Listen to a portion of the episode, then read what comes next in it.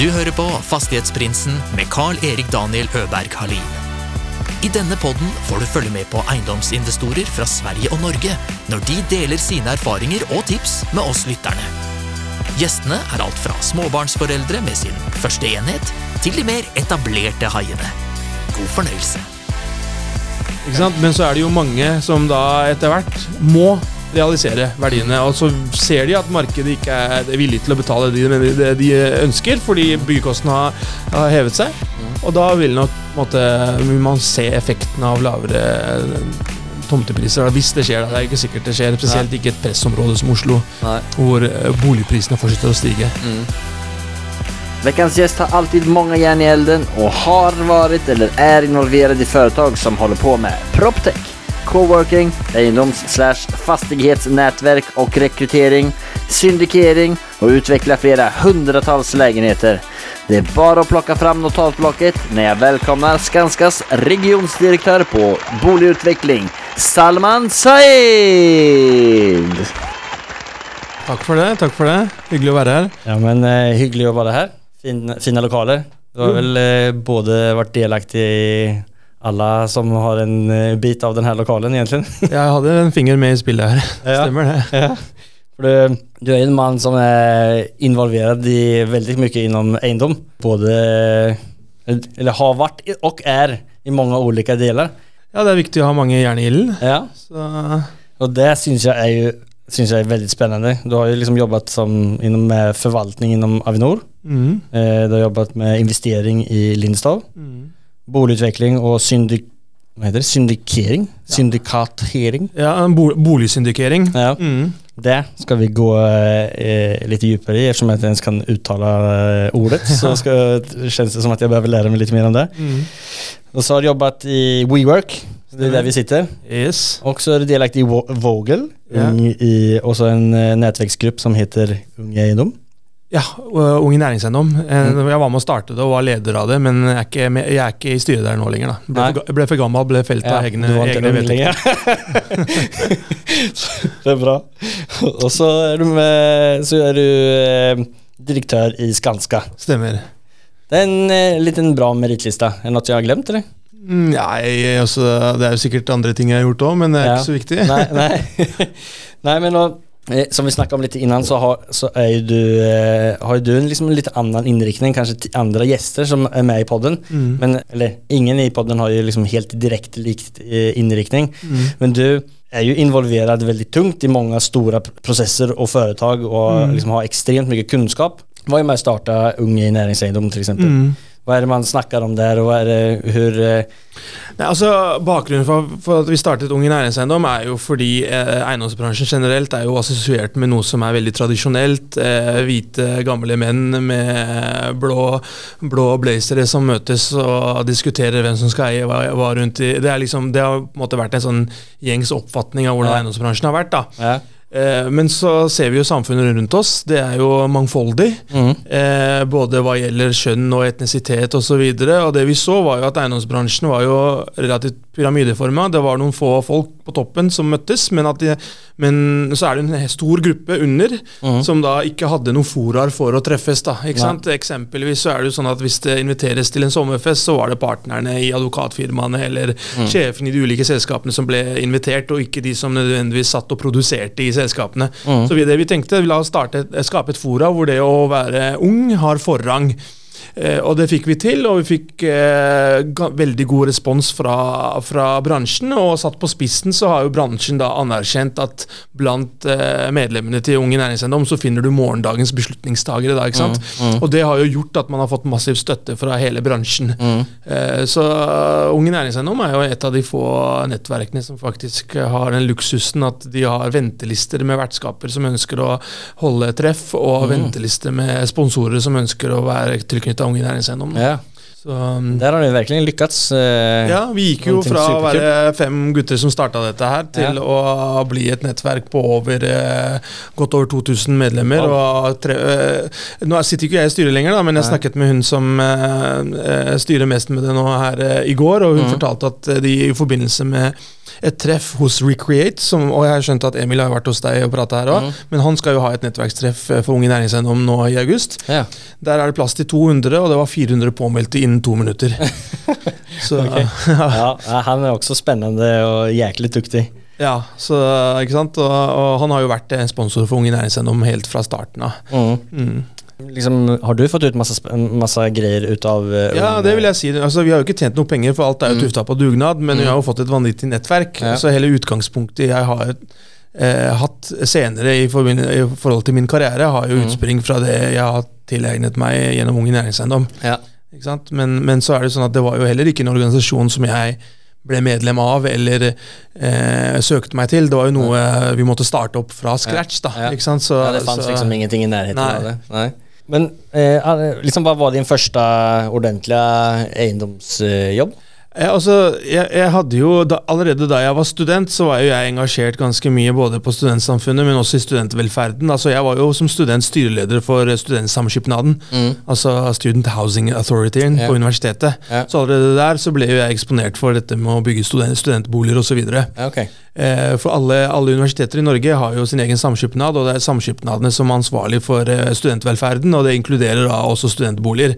Så samskipnadene eier jo og utvikler studentboliger rundt omkring i landet, der hvor det er eh, høyere utdanningsinstitusjoner, og så leier de de, de ut til studentene. Så det var min første så ordentlige eksponering inn mot eiendom, da. Men det er samskipnad, hva, hva, er det for ord? Eller hva er det, Nei, det er, det, er, det er Student Housing Authority, eller Student Welfare Authority, da, som også er ansvarlig for alt som har med student housing å gjøre. Samskipnad er altså Direkte oversta- over, oversatt så vet jeg ikke helt hva, hva det er, hva det betyr, men, eh, men eh, Men eier de liksom studentlägenheter? ja, ja de eier eier det. ikke sant? Du har Studentsamskipnaden i Oslo, som eier masse leiligheter her i Oslo. Jeg var jo da styreleder for, eh, styreleder for Studentsamskipnaden i Ås, Mm. for jeg studerte ute på Ås. Mm. Så, men, men skal jo også sies at jeg tok jo en mastergrad innenfor eiendom på Ås, så, så det er jo ikke tilfeldig Nei, at ikke jeg endte opp med å jobbe innenfor eiendomsbransjen. Nei, nei. Eh, men det var vel heller mer tilfeldig at jeg endte opp med å ta den utdannelsen, da. Ja, kan För det, Ok, hvordan kom det, hur kom det? Nei, det var bare Altså, det kom meg for øre at det, min far hadde forska der på oss på 80-tallet, og han mente at det var et godt miljø der, så Ja. jeg tenkte ok, vet du hva, eh, jeg er en fyr som får veldig mye eh, si, gode impulser fra omgivelsene mine, og gode omgivelser er viktig, og hvis Mm. det er et godt miljø der, så er det sikkert et fint sted å studere. Og så var det å finne et masterprogram der jeg ville ikke bare ta en bachelor, jeg ville ta et profesjonsstudie, og der hadde de et profesjonsstudie innenfor eiendom. da. Mm. Eiendom var generelt noe som jeg syntes var interessant. Mm. Men eh, liksom om man skal dra en parallell med det som man snakker om eller lærer ut eller diskuterar i Ung næringseiendom, og liksom din egen eh, start. Eh, du tog, din, du tog en, eh, en master i eiendom og så skulle du ut och börja jobba. Va, det vissa, alltså hade du någon, någon, eh, någon klar bild om vad, vad du skulle gjøre? Ikke, ingen aning. altså Utdannelsen min var jo ganske mye mer teknisk, så jeg prøvde jo å ta en del sånne finansielle emner da, som Mm. gjorde at jeg kunne ta, ta en litt mer sånn finansiell approach innenfor eiendomsbransjen. Men første jobben min fikk jeg jo egentlig som følge av at min mastergradsveileder eh, kjente til en som skulle ansette, og han var direktør for eiendom og kommersiell utvikling i Avinor. Ja. Og veilederen min anerkjente jo også at jeg hadde litt andre gener enn veldig mange av de som på en måte tok det, det, det studieløpet. Ja. Og han mente at han som skulle ansette i den stillingen, var litt lik. Mm. Så da søkte jeg på den rollen, og så ble, fikk jeg jobb da som eiendomsforvalter i Avinor da, på Oslo lufthavn. Ja. Liksom å være forvaltere i Avinor, for det er vel statligt, er det ikke det? Ja, Statlig de eier jo og drifter alle flyplassene Ja. i Norge, men så mange ikke vet, da, er jo at det desidert største kjøpesenteret i Norge basert på omsetning er ikke Sandvika storsenter, det er Oslo lufthavn Gardermoen. Ja, ja. Eh, ikke sant? Og det er jo inntektene man får fra dutyfrien og parkeringen og, og eiendomsvirksomheten som i stor grad subsidierer veldig veldig mange få de veldig mange mindre flyplassene som man har i Norge. Ja. da, fordi vi har, I Norge har man jo en aktiv desentraliseringspolitikk. Vi ønsker at folk skal bo i distriktene, litt ulikt Sverige, hvor Ja. alle flytter til byene. Ja. Og da da har man på en måte valgt å investere i distriktene og ha lokale Kult. flyplasser osv. Ja.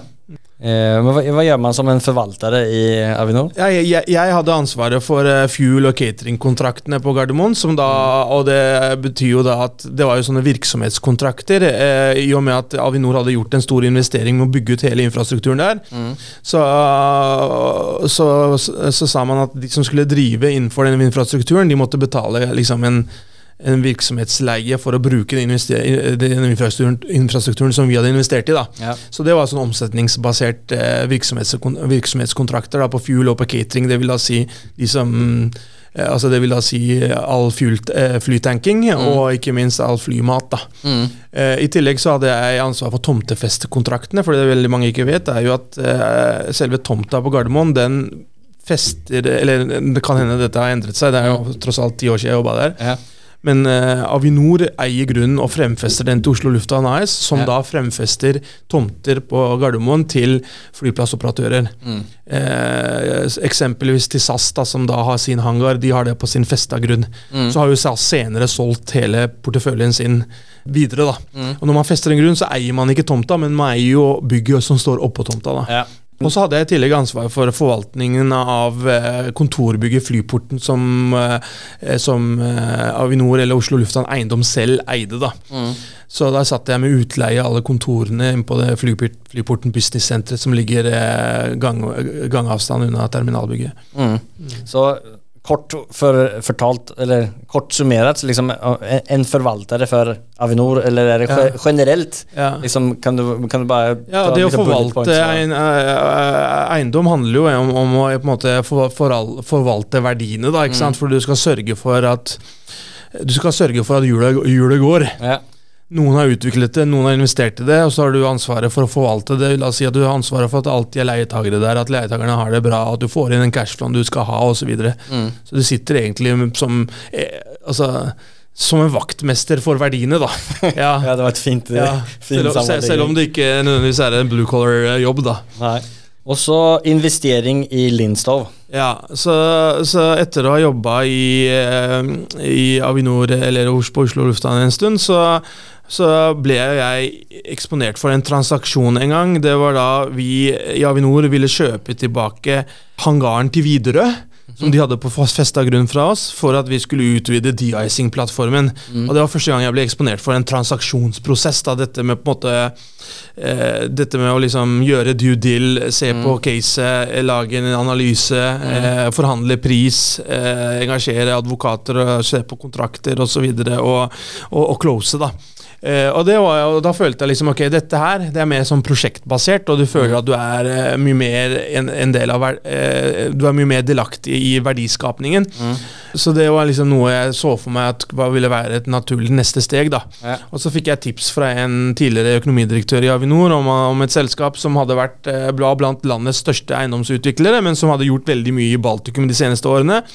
Men, eh, og som da også skulle ansette, da. Så da kom jeg inn i en rolle der først, Mm. som eh, Jeg lurer på om det het rollen først het prosjektutvikler eller forretningsutvikler, eller et eller annet, men det gikk på å jobbe med investeringer. da Ja. Innenfor kontor, hotell og da kjøpesentre både i Norge og i Baltikum. Okay. Så jobbet jeg der eh, i tre år, og siste året så jobbet jeg da som investment manager. da. Mm. Men hvordan fungerer det? Da har du en, eh, en gjeng med penger som du skal Ja, eller investere. Er jo eiendomsselskapet til Wilhelmsen-familien. Mm. Så de har jo en god en, altså det, Så Lindstov opererer jo som på en måte en forvalter av verdiene til Wilhelmsen-familien. og De står på flere ben, bl.a. shipping, cruise. Eh, så har de noen kapitalinvesteringer, og så har de eiendom. da, så Eiendom er jo på en måte det, liksom det sikre benet eh, i balansen deres. Mm.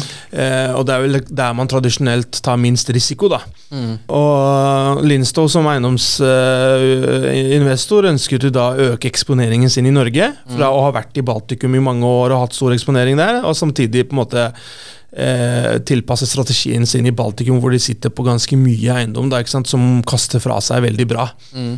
Så Det var litt av bakgrunnen for at de ansatte meg, fordi de skulle vekte om litt av porteføljen og øke balansen sin i Norge i forhold til utlandet. da, ikke sant? Mm.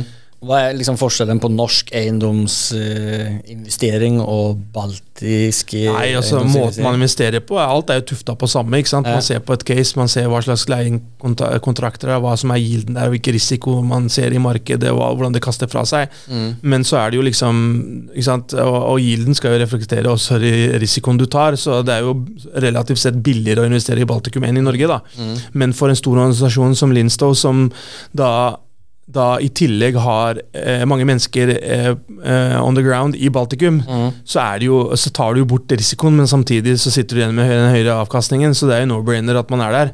Ikke sant? Satt på spissen skal du kjøpe da det som er tilsvarende Oslo, eh, eller byporten Mm. i Riga, Mm. som eh, kaster fra seg løpende 10% og selge det for å kjøpe Brynsenter i Oslo på en yield på 4 Mm.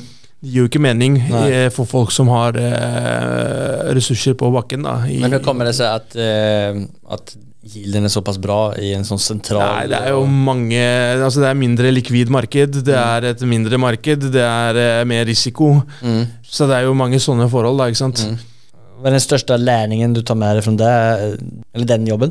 Nei, det var jo utrolig spennende. da. Jeg jobbet jo sammen med han som er viseadministrerende der nå, en som heter Knut Løken. og vi, eh, altså, Jobben gikk jo på å få inn Bygge opp en deal-flow, få inn investeringsmuligheter fra alle meglermiljøene i, no i Norge og utlandet. Og Mm. vurdere caser og se hva som passa i henhold til strategien. Mm. Og så å lage et investeringscase og få det godkjent internt, og da gi bud, eh, kjøre DD, forhandle kontrakt, close osv. Og, Mm. og, så- og så når man har closa, så ga vi det over til forvaltningsavdelingen i da. Mm. Av alla grejer som du har hållit på med, alltså förvaltning och syndikering och utveckling och eh, nu proptech och allt möjligt. Vad, är, det liksom, vil- är det något moment som triggar det extra mycket? Jeg syns alt er gøy, men jeg, jeg, det trigges jo kanskje litt mer mot eh, mot eh, det som hvor der, der hvor jeg føler at verdiskapningen skjer, da, det er jo i utviklingen og investeringer. Da. Ja. Snarere enn forvaltning og Ja. leie osv. Mm. Og så, så vil jo veldig mange mene at verdiskapningen skjer overalt, og det er, jo, er jeg på sett og vis enig i, men i, altså, det, er, det er sånn jeg deler inn det. Ja, ja. Men eh, om vi hopper videre til eh, när du jobbade med boligutvikling og eh, syndikering i det var Bonum. ja stemmer. Eh, skal vi starte med hva er syndikering? Nei, Syndikering handler jo sånn, På engelsk kaller man det club deals. Da det handler om å få inn flere eiere Mm. til å dekke egenkapitalen til et utviklingsprosjekt. Okay. Så å syndikere noe ble, betyr egentlig å sette sammen et Ja. eh, boligprosjekt. Mm. Ikke sant? Eh, Og, og måten dette starta på, var jo at jeg jobba som da, investeringssjef i Linstow. Så hadde jeg en jeg gikk på videregående med, som var investeringssjef i Stor-Oslo Eiendom. Mm. Vi ble kjent med de gutta som starta Bonum. og De hadde gjort mye kult. De starta som entreprenør, begynte å utvikle boligprosjekter, de var veldig flinke på loftsutbygging. Men de ville ta større prosjekter, de også. Mm. Så tenkte vi ok, la oss sette opp et, ut, et ø, syndikeringsben i Bonum, som vi kaller for Bonum Utvikling. Som vi tar som et eget søsterselskap inn i, i Bonum, hvor da Kjell Kristian og jeg på en måte eh, tok ledelsen i. Mm. Jeg som administrerende og han som eh, CFO. Mm. eh, med Bonum-gutta også på eiersida. Mm. Og det det gikk ut på, var å syndikere større boligprosjekter. Og det det betyr, er jo da at der hvor du tidligere har måttet La oss si du kjøper en tomt. da En Mm. tomt er verdt eh, eh, 100 millioner. Mm. eh, Så eh, får du som regel eh, finansiert den 50% hos banken. Mm. Eh, de, så du, du må da inn med 50 millioner i egenkapital. Mm. Eh, har du med deg fem som går inn med ti hver, Mm. Så har du prinsippet har du prinsippet eier du da 20% av prosjektet. Du har gått inn med 10 millioner av totale egenkapitalbehov på 50 millioner, og hele byggelånet det får du jo finansiert for, med sikkerhet i forhåndssalg. Mm. Så hele banken gir deg jo 100 eh, byggelån. Mm. Så, og, byggelån, og du kan si at tomta er jo som regel verdt 20 da, så, så hvis du har gått inn med 100 millioner for tomta, så koster det ca. 400 millioner å bygge det ferdig. Til sammen så har du en kost på 500 millioner, og så har du gått inn med egenkapital kun på 50 millioner. Mm. Så sånn, det er derfor boligutvikling er eh, kan være ekstremt uh, gunstig. da. Ja. Uh, og her, for Bonum, så har man da gått inn med I et, et sånt eksempeltilfelle, da, eh, så har man jo da i tilfelle gått inn med 10 millioner, fått 20% andel av den totale 50 millioner man skal inn med EK, Mm. men så er det vi som sitter i førersetet. Disse fire andre investorene de er silent investors inn i syndikatet. og så bolig, altså Prosjektet blir da også markedsført som et boligprosjekt. Det er vi som styrer alt som har med prosjekt, prosjektutvikling, prosjektledelse, salg, marked, alt mulig. da. Så det er det syndikering er. da, ikke sant? Eh, Og det er mange aktører som driver med dette nå i eh, altså Dette er boligsyndikering, utviklingssyndikering, og så har du jo da alle disse investeringsbankene som Arctic, Pareto, ABG osv. De driver jo med cashflow-investering da, ved at de kjøper et kontor. De tilrettelegger kjøp av et ferdig utvikla kontorbygg med lange leiekontrakter. Så får de inn eh, mange investorer som ønsker å, å plassere kapital i den type investering. da. Men om, om, om det er liksom, eh, förlåt att avbryter, men, men typ det eksempelet da, når Pareto Pareto gjøre Mm. en sånn sak, er det de som som kommer med altså, innom, ideen. Eller de tenker det här kontorsbygget går og utvikler og gjør det her og det her med? Eh, og, altså, Som som regel så er det jo det er ikke alltid det er utviklingspotensial. De, de tenker ok, det er mange pe personer og miljøer der ute som sitter på en del penger, som ønsker å plassere det for å få en avkastning. Eiendom er ganske sikkert, men vi ønsker ikke å ta så mye risiko, eller vi har ikke så mye kapital, så vi kjøper andeler i et bygg som er tilrettelagt av et investeringsselskap. Sant? En, investeringsba en investeringsbank. Så, så vet man jo at uh, ferdigsukra eiendom som da er kjøpt på en relativt lav yield, men har lite risiko, der får vel avkastningen være deretter. Kjøper du eh, deg inn i et eh, boligutviklingsprosjekt som er syndikert, så vil jo da risikoen være høyere, for du skal gjennom regulering, du skal kunne treffe markedet riktig i forhold til salg, men da så vil avkastningen også være høyere til aksjonæren. da. Så hvis du f.eks. sitter på en stor familieformue og du har lyst til å forvalte den, så putter du kanskje noe i fond. du um, kjøper kanskje noen obligasjoner, så har du kanskje lyst til å være eksponert mot eiendom, men du har ikke en egen eiendomsadministrasjon, du har ikke folk som er ansatt til å drive med det. Nei. Så kjøper du andeler i et eh, kontorsyndikat som er tilrettelagt av f.eks. Arctic, og så har du lyst til også å være eksponert eh, mot boligutvikling som har høyere avkastning, men med risiko, så du putter også en liten chunk inn hos f.eks. Stor-Oslo Eiendom, som drev med det inntil nylig, eller et par andre miljøer som også driver med syndikering da, på bolig. Mm. Ja, det er in, veldig interessant. Altså, er det liksom, eh, skulle man kunne si at man er typ dealmaker? Altså, om, Ja, du er jo, det er du som finner altså i hvert fall i Bonum, da, så det er vi som Ja. finner eh, investeringsmulighetene. Ja. Eh, som gjerne var off-market, for de var ganske flinke til å finne um, ting som ikke var i markedet. Mm. Det er vi som setter sammen hele pakka, det er vi som finner, eh, ordner med finansieringen, det er vi som kjører prosjektet, det er vi som gjennomfører prosjektet, det er vi som eh, gjennomfører salget. Eh, så du er jo en ganske passiv investor med inn, så det du betaler for, er jo da eh, en, eh, en tilretteleggingshonorar eh, mm. da, for at noen har satt dette her sammen. Så betaler du løpende en del eh, alt det koster i forhold til prosjektledelse, og så får du da avkastningen din i enden. da. Så man må være veldig man må kreativ for å få til det der? Nei, Egentlig så er det ikke Nei. så komplisert. Hvis vi går tilbake til eksempelet vårt. Ja. Tomta koster 100 millioner. Du regner med at du må bruke ca. 20 millioner på prosjektledelse arkitekt før, før du begynner å bygge. Så når du skal til banken, så går det ikke og ber om 100 millioner av finansiering av noe som koster 100. Du går og ber om 120 millioner ikke sant? og får eh, girer opp det. Så, så, så s- syndikatet er jo giret opp med arbeidskapital også. Ja. Så når du først investerer i det, så trenger du ikke du gå inn med noe mer. Det er ikke snakk om at det gjøres noen ytterligere emisjoner da. da har det, det er SPV, det er Special Purpose Vehicle som det heter, det AS, det har den cashen det trenger for å gjennomføre det prosjektet. Ja. Og så er det sånn at Alle prosjekter er jo da i egne ikke sant? Du kjøper eh, Du kjøper eh, Vi sitter på i Håkon 7.s gate 5. da Hvis det her var en tomt, så setter du opp Håkon 7.s gate 5 AS. Ja. Som er et eh, tomt selskap som legger, bu, legger inn bud da, på tomta, også med forbehold om finansiering. Men det der er vel har jeg hørt mange prater om, at det är liksom, kan være en vei inn. Nå behöver man kanskje ikke starte med eh, å lete en tomt til 100 millioner, men å gjøre en sånn litt mindre syndikering, det er jo egentlig noe å se en möjlighet till någonting som inte existerar. Ja, og i dag har du For mindre prosjekter så har du crowdfunding-plattformer òg. Hvis du har et, kommer over en eller annen tomannsboligtomt et sted som du ser er attraktivt, så lager du et case på det. Du ser at Ja. her kan du tjene penger, men du mangler egenkapital. Du kan gjøre to ting. Enten kan du få inn eh, hybridkapital eller egenkapital eller lån gjennom f.eks. funding partner eller eh, Monter eller hva det heter for noe. Og, og Cameo. eh, Cameo eller Dealflow eller Folkeinvest osv. Så, videre, så det er mange måter å gjøre det på nå. da Mm. Men ikke sant, du må jo da hele tida vurdere den risikoen du sitter på. da, ikke sant? Du sitter jo og tar en risiko. Så du må jo på en måte, Og det som er viktig når andre investerer i penger, penger i dine selskaper eller ting du setter opp, er jo at du må ha skin in the game. da. Mm. Og det var jo litt av greia med Bonum, var jo at vi tok jo alltid en eierandel selv. Ja. Ikke sant? Så de som putta penger inn visste jo at vi også var investert i det. Mm. Mens for investeringsbanker så er jo ikke de med å ta noe eierandel når de syndikerer Nei, et kontorbygg. Mm.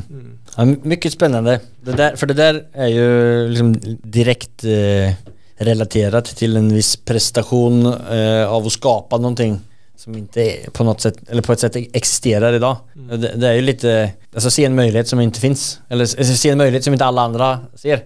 Det är väl egentligen så med att skapa alla selskap sällskap och Alltså som, eh, som Vogel till exempel som du är involverad i också. Mm. Kan du berätta lite om det? Ja, altså jeg var jo eh, Etter eh, Bonum så fikk jeg jo muligheten til å bli med WeWork, som Mm. på tidspunktet var eh, verdens nest mest verdifulle private selskap. Ja. De var verdsatt til 47 milliarder dollar og fikk akkurat, hadde akkurat fått 16 milliarder dollar fra Softbank. Ja. Og har fått beskjed om bare å vokse. Mm. Ikke sant? First mover advantage. Ja. Så jeg og en som heter Henrik, vi ble ansatt til å lede den ekspansjonen i Norden og Nord-Europa. Eh, og det var en ekstremt spennende periode. Vi hadde det ufattelig gøy. Jeg hadde 249 reisedøgn, tror jeg, i 20, eh, 2018 eller 2019 var det. Ja. Eh, og, og, og, men vi så hele tida på det som på måte, et prosjekt. da Vi visste at ikke dette her kommer til å vare evig, men det her er en unik mulighet til å være med i et unikt selskap i, Mm. i et uh, unikt tidspunkt for, Ja. i selskapets historie. da Mm. så vi hoppa på den muligheten, og, og jeg vet ikke hvor mye du kan om coworking, men WeWork er en av verdens ledende coworking-operatører. Så det Mm. de gjør, er at de finner kontorlokaler der hvor, eh, som, hvor de mener at det er et godt kontormarked, og så Mm. leier de gjerne enten hele bygget eller flere etasjer i det bygget, og så fremleier de til eh, mindre le eh, leietagere som ønsker fleksible vilkår. Mm. Så det er liksom modellen, da. Mm. Eh, og det vi så, var jo at eh, disse operatørene som fantes, ikke bare oss i WeWork, men det finnes jo mange andre, Regus Spaces, i Norge har du Mesh, du har Ø, du har eh, Evolve, du har mange miljøer.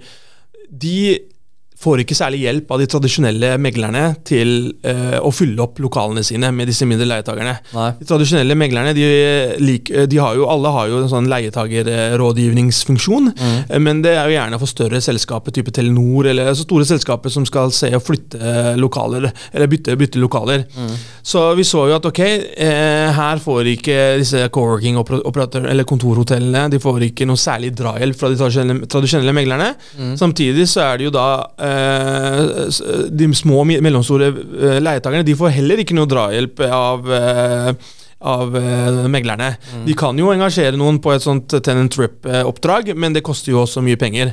Så tenkte vi ok, vet du hva, vi vil prøve å skape en Airbnb for kontorer, hvor vi da setter opp en plattform som da, hvor vi da har alle operatørene på ene siden, og så har vi en gratis tjeneste for alle små og mellomstore bedrifter, som da slipper å navigere seg i et ganske ulendt eh, kontorterreng. da. Ja. Ikke sant? Og så er det jo sånn at kontorleie det er jo et fenomen som er ulikt fra marked til marked. Mm. Eh, Ta et eksempel. Når du leier 100 kvadratmeter i Sverige, Mm. Så får du 100 kvadratmeter. Okay. Fordi det er ikke, noe det, er ikke det vi kaller Det sånn det, det, er, ikke- det er ikke noe netto-brutto-forskjell der Nei. i kvadratmeter. Ok. Eh, loss factor, som vi kalte, kalte det. Mm. Mens i Norge, hvis du leier eh, et lokale, så leier du BTA. Ja. Mens det fysiske lokalet du leier, eh, er jo da 25% mindre. Ja. Fordi man legger til eh, felles, andel av fellesareal, Mm. både for bygget og for etasjen. Okay. Ikke sant? Så det også er jo, Man må lære seg å sammenligne epler med epler, og det er Ja. generelt ikke nødvendigvis så lett for en som på en måte du, Kanskje du driver et eventbyrå, ikke sant? Mm. din business er event, men du trenger jo et lokale å sitte på. ikke sant? Skal du bli ekspert for eiendom bare for leiekontrakten din? Mm. Så vi tenker ok, vet du hva?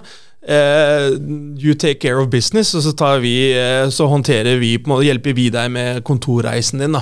Så ni kopplar ihop, Er det bare coworkings Uh, Ja, altså det, jo, ställena det, det vi tror er jo på fleksibilitet. ikke sant? Ja. Vi tror jo at fleksible kontorer det er fremtiden. Mm. Hvorfor gjør vi det? Jo, fordi hvorfor skal du leie et kontorlokale i fem år når du ikke vet hvordan verden Nei. ser ut seks måneder frem i tid? Nei. Og covid har jo gjort at dette bare har satt enda mer på spissen. ikke sant? Eh, og I tillegg så vet du at eh, OPEX, eh, at eh, husleiekosten din er den nest største OPEX-posten din etter eh, human cost. Mm. Så, så du vet at det er også noe du bruker veldig mye penger på. Ofte når du leier, så må du også gi bankgarantier eller andre garantier som er en liability på balansen din. Så vi tror jo på fleksibilitet, ikke sant. Og i tillegg så er det her en nisje som vi nevnte tidligere ikke nødvendigvis er fanget opp av de tradisjonelle meglerne. Så det er litt sånn greenfield, da. Mm. Så vi har da ut, utgangspunktet eh, kun eh, fleksible operatører, dvs. Si co-working-operatører og kontorhoteller. Eh, og i sum i Oslo i dag, eh, nå er jo vi i flere markeder, men i Oslo i dag så utgjør eh, av totalt 9 millioner kvadratmeter med kontorer i Oslo, så er det kun 2% av det som er fleksible kontorer. Oi. Og hvis du hører på JLL, JLL, Jones Land, Lang LaSalle, som er et av verdens største eiendomsmiljøer, så har de sagt at innen 2030 så vil hele 30% av enhver kontorportefølje være fleksibel. Okay. London og Amsterdam er begge også under 10% så her er det en stor oppside også.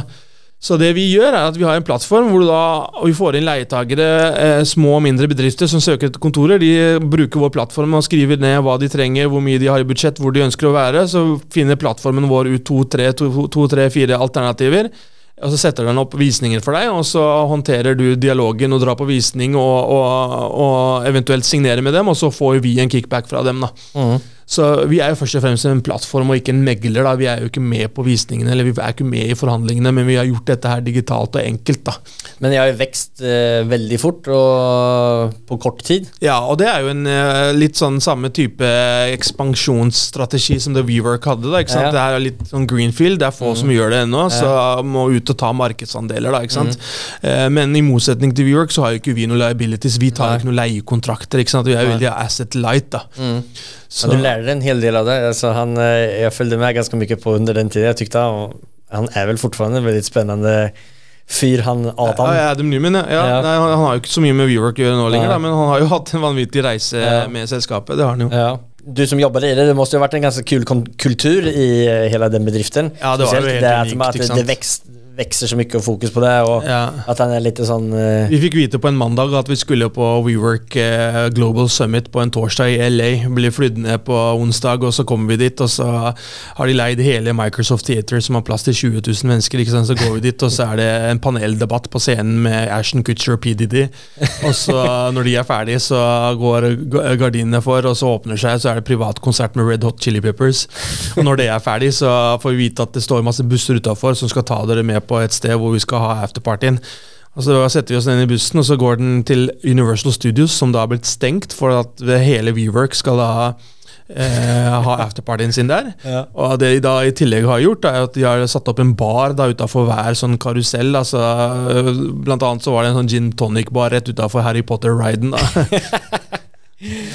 det låter som at han eh, klarer av å få ting eh, til å gå. Ja, altså, men Det handler jo om å bygge kultur, ikke sant? Ja. samhold. og det var jo sånn at Alle visste på en måte at alle følte at alle var på en måte i en reise sammen. da, ikke sant? Man skulle endre måten man jobba på. Og Det trodde man på, og det tror jeg på den dag i dag. ikke sant? Og Så er det hvordan man gjør det, og hva som er beste formelen for det. da.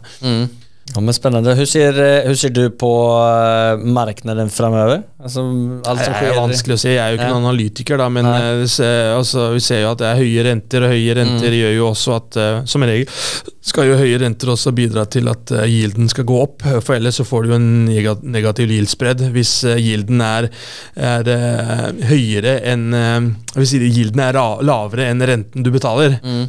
Så sier det seg selv at det ikke lønner seg. Eh, ikke? Eh, med, og det eneste, eneste grunnen til at det kan lønne seg likevel, er jo hvis du tror på en realvekst på leien, da, men det ja, Det kan man jo tro på, fordi det er lav leieledighet i Oslo og, og generelt lav ledighet, og spesielt i sentrale områder. da. Men, eh, men sånn, det historien viser, er jo at gilden yielden skal jo følge til en viss grad rentebildet. Mm. Så Ja, men investeringene endres. Eh, nå har det jo vært veldig lave renter, som du sa. Mm. Och gilden på mange utleieobjekter har jo Mm.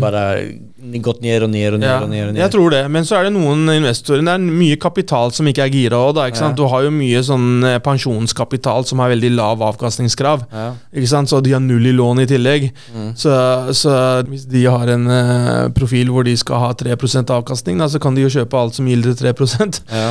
Mens andre aktører som på en måte girer investeringene sine og som skal ha en høyere avkastning, de vil slite med lave gilder, ikke sant? spesielt når renta er så høy som den er. Da. Og de skal jo betjene en gjeld, ikke sant? de skal betjene en rente.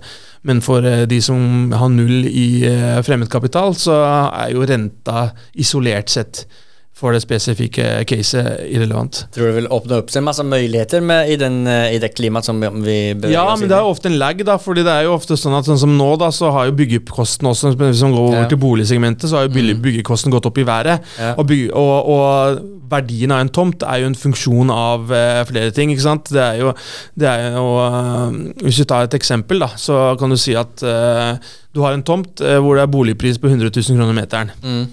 Så innenfor de 100 000 så skal utvikleren ha en eh, gevinst. Mm. Du har en byggekost, Mm. og det som er igjen, det er jo det tomta er verdt. Mm. Ikke sant? Mm. Så gevinsten skal du ha uansett. Mm. Byggekosten, hvis den går opp, hva betyr det? Det betyr jo at tomta er mindre verdt. Ja. Ikke sant? Med mindre boligprisene stiger. Mm.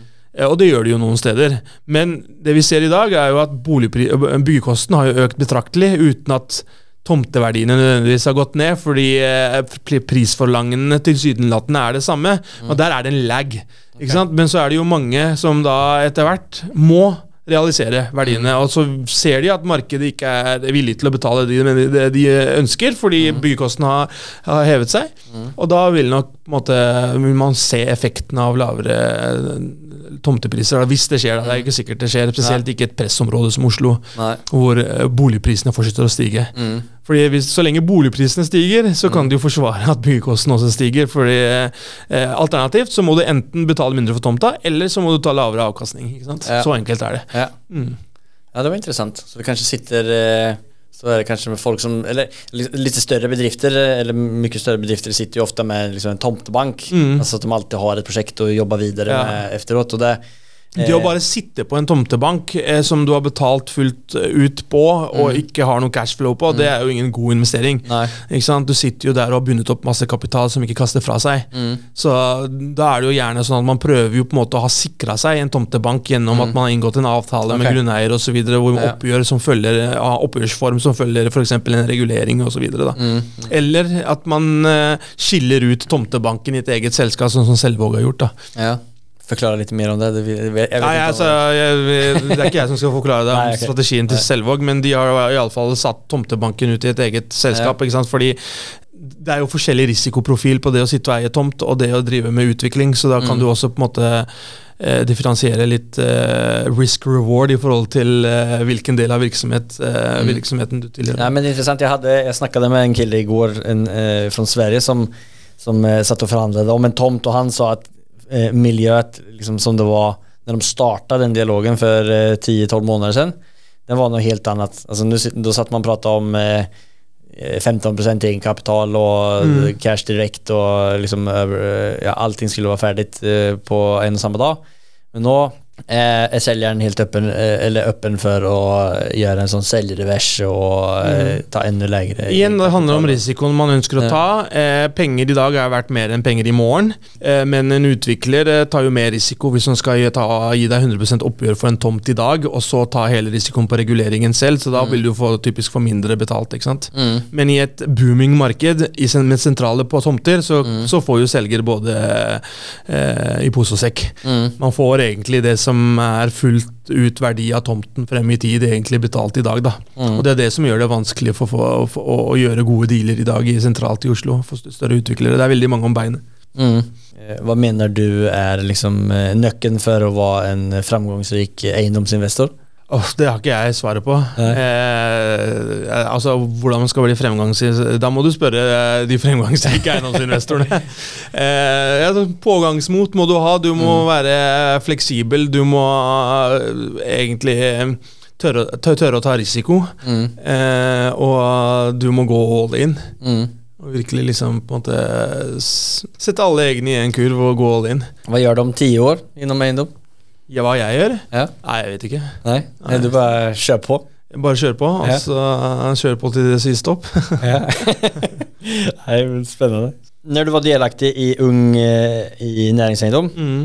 hva er de fleste som er delaktige der? Hva er är det de driver med? Eller hva er det de Du kan si veldig grovt, veldig, grovt, veldig grovt inndelt, så er ca. en tredjedel av medlemmene De tilhører eiendomsforvaltere og eiendomsutviklere. Type liksom Entra, Asplin, Ram, Mm. Avantor, altså utviklersiden av miljøet. En tredjedel er eh, rådgivere, jobber med syndikater, syndikering, de jobber hos bank, eh, arkitekter osv. Og så er en tredjedel er faktisk advokater, for det er så mange eiendomsspe eiendomsspesialiserte advokatfirmaer. Ja. Uh, og, så det er en god del jurister og rådgivere. Og det. Men det er viktig å ha en blanding av alt, da, for det er jo da du virkelig får eh, utbytte fra det nettverket som skapes i Unge Næringseiendom. Mm. Så sørger man for at eh, man ikke havner i en situasjon hvor eh, du har et treff hvor det kun er advokater, eller hvor du kun, kun er unge, eller hvor du kun er eldre. Du sørger for at det er en mangfold der. da. Mm. Er det här ett nätverk för eh, altså, unge utviklere som f.eks. för exempel eh, på å utvikle eh, tomansboliger i Drøbak? Ja, det er det absolutt. Det eneste kravet er at du faktisk driver med det. Ja. Ikke har planer om eller ønsker om det. Ja. Ikke sant? For det handler om at den som da du møter på treffet, også får utbytte av at du er der. Ja. Ikke sant? Hvis det bare hadde vært en gjeng med folk som aspirerer om et eller annet, så hadde jo man jo ikke fått noe utbytte av det. Nei, nei, for det låter jo som at det er et ganske solid gjeng eh, som, eh, som, Så, eh, som men det er jo også mindre eiendomsutviklere og mindre eiendomsforvaltere som er med der òg. Mm. Så det handler jo om hva man har interesse av, så får man et unikt nettverk. da? Så, så Ja. Man møter jo de som i morgen skal ta beslutninger innenfor bransjen. Ja. Ja, veldig kult.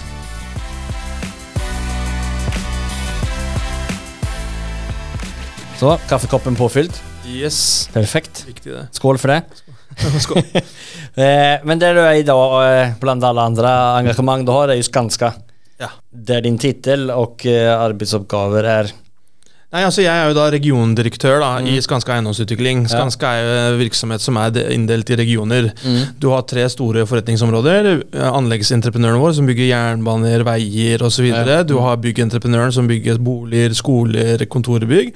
Og så har du eiendomsutvikleren som da i motsetning til entreprenøren er byggherre, altså vi er byggherrevirksomheten i Skanska. da. Eh, så det vi gjør, er jo da typisk å kjøpe tomter, gjerne i samarbeid med andre, som vi utvikler og bygger boliger på for salg. Mm. og jeg er jo da ansvarlig for et område som, eh, som omfatter Oslo, samt eh, aksen mellom Eidsvoll og Sarpsborg. da. Så det er jo da den største regionen vi har i dag i Skanska eiendomsutvikling, basert på omsetning og antall boliger vi produserer. Men det er jo eiendomsutvikling, så hvor stor omsetningen er, er jo veldig avhengig av hvor stor tomtebanken din er, og hvor mye du har i salg. Så vi har jo da, jeg har vært heldig å være leder for en region som har eh, omsatt, eh, omsatt eh, ganske bra i fjor, og leverte over 200 boliger i fjor. Eh, omsetter eh, bra i år, men neste år så har vi en jobb å gjøre i forhold til å fylle opp tomtebanken mer, da, før vi da igjen har en ganske grei tomtebank fra 24. Okay. Ikke sant? Fordi det er jo veldig er, og, regulering det er jo en eh, nøtt å knekke, ikke bare i Oslo, men veldig mange kommuner i Norge. Og re reguleringstiden den øker jo stadig. Og det, det gjør jo at eh, det blir mindre og mindre forutsigbart for boligutviklere. Så, så hvis du kjøper en tomt og du skal bruke fem år på å regulere den, så er jo ikke det i salg før år seks, og så får du inntekten i år syv eller åtte. Så det er jo, det er jo en langsiktig game å drive Ja. med boligutvikling, og da er det viktig at man på en måte har en aktiv porteføljestyring. Da, så du, du, du sørger for å investere på en måte som gjør at du ikke får hull i aktivit aktiviteten visse år. Og det er vanskelig å styre når eh, Ja, reguleringen også er uforutsigbar. Så da er det viktig at man har flere prosjekter flere steder i landet samtidig. Sant? Både i salg og i regulering, sånn at man kan redusere denne porteføljerisikoen. Så, ja, så vi er jo en gjeng som, eh, som eh, som sagt, vi gjør det veldig bra. Og, og um, trives godt med å være i Skanska. Utrolig stort og, og kult miljø å være i. Ja. Eh, Skanska er jo en av verdens ledende bygg- og anleggsmiljøer, og er jo til stede ikke bare i Altså, eh, altså det er ikke, Norge er jo kanskje 10% av virksomheten til Skanska. Eh, det mange ikke vet, er jo at man har jo gjort veldig mange store prosjekter i USA, blant annet. Eh, LaGuardia-flyplassen, Ground Zero. Eh, og Ah. FN-bygningen osv. Og så er man jo naturligvis store i svenske Sverige, som er eh, hjemmemarkedet. Og så er man i Øst-Europa, og så har man også virksomhet i UK. da. Wow, det var, det var litt mer Mm. hva man vet om som du sa. Men eh, jeg prøver alltid dra paralleller til noe som kanskje majoriteten av lytterne og meg selv själv kan relatera till. Eh, og det er liksom å spørre liksom, om, hur en bolutvecklare eh, eller egendomsutvecklare på Skanskas nivå, eh, skiljer det seg åt mye, tror du mot hur, eh, om du skal bygge sex eh, eneboliger eller et eh, Ja, block på fem eh, leiligheter. Det vil jeg si at det gjør. For det første så ville ikke vi tatt et prosjekt som er så lite. ikke sant? Fordi det tar jo ofte like mye tid og ressurser å styre et prosjekt på seks rekkehus som det gjør å styre et prosjekt med 120 leiligheter. Så, så vi, har jo en, vi har jo en strategi hvor vi helst ser på prosjekter hvor det er mulighet til å utvikle mer enn 50 enheter. da. Ikke sant? Og så må det gjerne være et område hvor det er, eh, hvor, hvor det er et godt boligmarked. Det vil da si at det er eh, eh, boligpriser på over 70 000 kroner meteren. Da, fordi vi bygger jo med vår entreprenør, og vi bygger jo kvalitet, eh, og da må markedet være der. Mm. eh, og derfor så er jo det mange mindre steder hvor ikke vi er til stede, hvor, rett og slett fordi boligmarkedet ikke er der. Når man, eh, när man bygger tomtebank da, eh, som en så stor aktør aktör, eh, vart finnes den eh, off-market, eh, eller vart hittar man tomter? Nei, altså det er enten kommer det inn, eh, fordi når du er et stort system som Skanska, så har du altså det, Vi er jo en trygghet, ikke sant. Det er jo aldri en prosess Det er jo aldri en risiko knytta eh, til, eh, til, til Det er jo aldri en risiko eh, for å ikke få oppgjøre når man gjør business med Skanska. Nei, nei? Så nei. vi får jo en del muligheter rett og slett fordi vi er Skanska. Eh, vi er et stort, seriøst system med en sterk balanse. Eh, og, og samtidig så bruker vi aktivt meglermiljøene når de får mandater på salg av store områder, men vi er også veldig aktive selv da, til å være litt føre var, peke oss, ut- områder hvor vi ønsker å være til stede, se litt på hvem som eier tomter hvor, og, og henvende oss direkte til noen og prøve å få til en eller annen, et eller annet samarbeid, om det ikke blir et rent kjøp. da. Fordi vi gjør jo veldig mye samarbeid. Ofte så møter vi noen som eier en tomt, men som ikke har kompetanse på hvordan man utvikler boliger. Da går vi i et samarbeid med dem med det såkalt joint venture. Det er vinn-vinn både for dem og for oss. Sammen så putter vi tomta inn i et selskap som vi eier sammen, og så, og så putter vi vår kunnskap inn. De putter inn tomta, så utvikler vi den. og så... Så blir det, det har vi gjort både med Ferd på Tidemannsbyen, vi har, gjør det med Jacobsen-familien ute i Ski nå, og, og vi ser på stadig flere muligheter innenfor det segmentet. da. Spennende. Mm. Vi eh, har suttit och snackat eh, eiendom i en god tid nu. Eh, vi börjar nærme närma oss vårt neste segment som heter Affärsanalysen. Og I det segmentet så deler vår gjest med som en gjennomført transaktion eller affär som man har gjort. It has not been easy for me. And, you know, I, I started off in Brooklyn. My father gave me a small loan of a million dollars. Affärsanalysen. Är det noen spesielle deal som du har mulighet til å dele mer om? om? Som eh, vi kan lære oss noe av eller kan være kul kult å med mer om?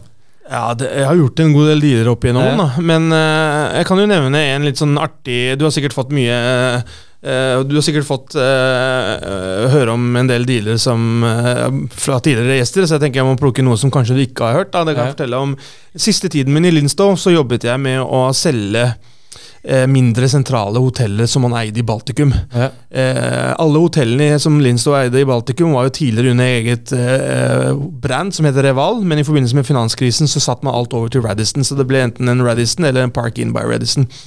Og, og, og i henhold til den nye strategien så skulle man fokusere på store eiendommer som lå i knutepunkter, og så skulle man kvitte seg med disse mindre distriktshotellene. Da, mm. da satt vi annet med et lite 50-romshotell som het Park Inn eh, Park Inn Lietuva i, eh, i, eh, i Vilnius, og Park Inn eh, i et Park Inn-hotell som lå i Klaipeda, som er en kyst, liten kystby i, i Litauen. Litauen. Og da ble jeg sendt ned for å prøve å selge disse hotellene, enten med eller uten flagget. Og det vil da si enten så selger du det med, med avtalen man har med driveren av hotellet, eller så selger, du egentlig bare råbygget, sånn at noen andre kan komme og ta over og da drive det selv. da.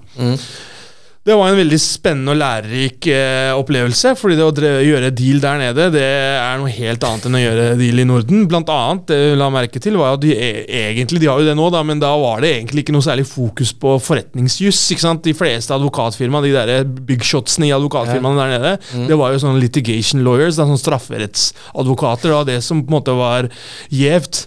Eh, så, eh, så, så liksom veldig, alt var veldig mye mer preget av at liksom, det skulle være konflikt rundt en sånn prosess. Da, ikke? Det liksom eh, Ikke at det var konflikt i den konkrete prosessen her, men eh, liksom hele det transaksjonsmiljøet da, Mm. da var jo på en måte rigga på en måte hvor man skulle hjelpe og beskytte hverandre overfor andre parter. da, ikke sant? Mm. Um, alle var røvere om inntil det motsatte var bevist, liksom. så, så det var jo litt Fint å bli møtt av det. den Ja. Så det var jo uh, det var en veldig interessant og lærerik prosess, da, som Mm. tok litt tid. Og så endte vi opp med å få solgt eh, hotellet til en eh, eh, til en utenlandsk aktør da, som skulle inn og putte det under sin på en måte hotellkjede som han skulle bygge opp. da. Mm. Men hun så, altså, hur ser yield-bilden ut? i- Nei, altså Verdiene er jo Sant. helt andre. ikke sant? Dette var et bygg på Jeg husker ikke prisene, da, men det var liksom det er ikke, det er ikke, Du kan ikke sammenligne engang. Ikke bare er det ikke i, ikke bare er det i Baltikum, men det er jo heller ikke sentralt i Baltikum. ikke sant? Nei. Så, og yielden er jo da altså Gilden er jo ett komponent, men leien er jo et annet komponent. ikke sant? Og leie, Når leien er så lav i tillegg, så er det ikke snakk om så mye verdier. Nei. Så, så mursteinsprisen var jo veldig lav da for dem som endte opp med å kjøpe de byggene. Ja. Ja. Jag rekommenderar du å eh, bli eh, mäklare og transaksjonsansvarig for Baltikum? Ja, absolutt ikke. Ikke hvis du Bor du der nede, så vil jeg si at det er en fin, eh, fin karrieremulighet. Men hvis du bor i Norge, så, det, så, så vil jeg ikke gjort det. Nei. Ja, men takk for det. Eh, hopper vi videre til vårt eh, og siste sista segment som heter Fyra frågor. Det er de samme fire spørsmålene som vi ställer vår gäst.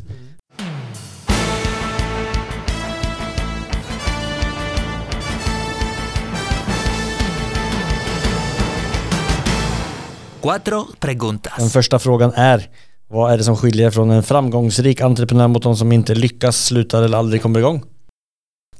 Jeg vil kanskje si det engelske begrepet 'tenacious'. Mm. er vel det som skiller en som kommer i gang, og er med en som ikke gjør det. Mm. Ja, det å ha pågangsmot og gjennomføringsevne og gjennomføringskraft. Mm. Ja, det har jo onekligen du. Ja, nei, tiden får vise, da. Det er jo fremdeles tidlig i reisen. Så. Så. Er du fornøyd med resultatet enn så lenge? Jo, jeg er fornøyd, men man skal aldri bli helt fat and happy heller, da. Nei. Man må jo alltid kunne gjøre ting bedre. Ja. Ja, større. Hadde du gjort någonting annorlunda i om du, eh, liksom, med den kunnskapen som du har idag? Om du hadde fått gjort noe annerledes i tidligere Hadde du gått noen annen vei? eller hadde Nei, du generelt hadde jeg gjort det samme, men det er klart, jeg hadde jo sikkert gjort uh, Gjort uh, Altså, jeg, jeg, Ikke noe, ikke noe store stora skillnader i hvert fall. Ja. så, så det hadde vært stort sett det samme. Altså, jeg er veldig fornøyd med der jeg er og hva jeg har gjort. Ja. Og så hvis man kunne had, Hvis man kunne spå, så hadde man sikkert eh, gjort altså, altså, Hadde man gjort mindre ting litt annerledes da, for å lykkes enda bedre. Ja. Ikke sant? Ja. Ja. ja, men det er bra at du ändå er eh, Men timing er riktig også. Ja. Timing er også riktig. Du kan ha en jævlig bra idé, og, så, og med feil timing, feil timing så har du en enorm oppoverbakke foran deg du, for å få det realisert. Mm. Så det er dessverre sånn at eh, det er nok mange sånne Fortune 500, potensielle fremtidige Fortune 500-bedrifter som aldri ser eh, ja, Som aldri kommer videre, som rett og slett fordi man timer det feil. Mm. Ja, Vogel er vel en jæklig bra timing just nu. Ja, det får jo fremtiden vise, da. Men ja, foreløpig så ser det jo veldig bra ut. Og vi har ekspandert. Vi åpna i Stockholm, vi åpner i Berlin og Paris. Vi har akkurat landa eh, Dublin-kontoret. Vi er i gang med å bygge plattformen vår og har MVP-en klar i slutten av året. Så blir det sannsynligvis en liten emisjon neste år. Ja, for ni har, ni har vel haft eh, två stycken... eh, Ja, eller Vi hadde en seed, eh, vi hadde to små seed-runder. Vi hadde en Mm. runde hvor vi henta inn 2,5 millioner, og så hadde vi en runde før jul hvor vi henta inn 12, eh, over 12 millioner kroner. da. Ja. Mm. ja, men Spennende. Lykke til med, med det. Tusen takk. Og om det er noen som sitter og lysner som sitter med altfor mye mycket i fickan så är bare å ta kontakt. Ja, få se. Kanskje, kanskje vi kan selge noe unna, få inn noen flere aksjonærer. Ja. Mm. Eh, andre spørsmålet. Eh, om, en, om alle eiendommer i hele verden var tilgjengelige for deg, om, om penger ikke var motivasjonen, hvilken eiendom hadde du kjøpt? Åh, det er veldig vanskelig å svare på. Noen drømmeeiendom? Kanskje Ja. Kanske Ås? Det hadde ikke blitt Campus Ås? Nei, det hadde ikke blitt Campus Ås. da. Det hadde sikkert vært et sted jeg liker å reise til. da. Så, uh, hva skulle man kjøpt da? Man kunne vel kjøpt uh, Slottet, da. ja, er det noen någon som har sagt slottet tidligere Eller, eh, eller et av disse byggene som eh, vender mot eh, Central Park i New York. Ja, Det vært fint. ja.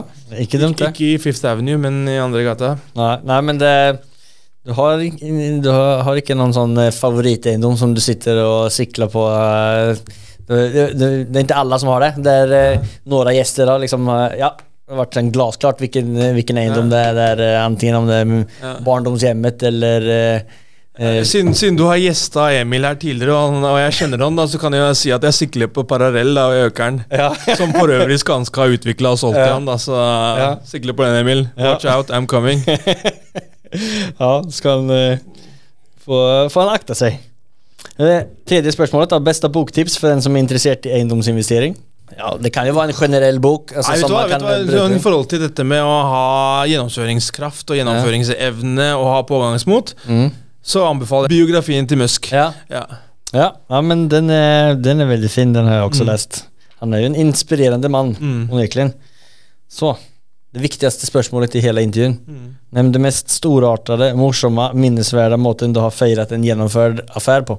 Ikke alle som kanskje får uh, være med i podden heller. Ja, altså, det var jo, har jo hørt historier om helt sinnssyke closing-eventer tidligere.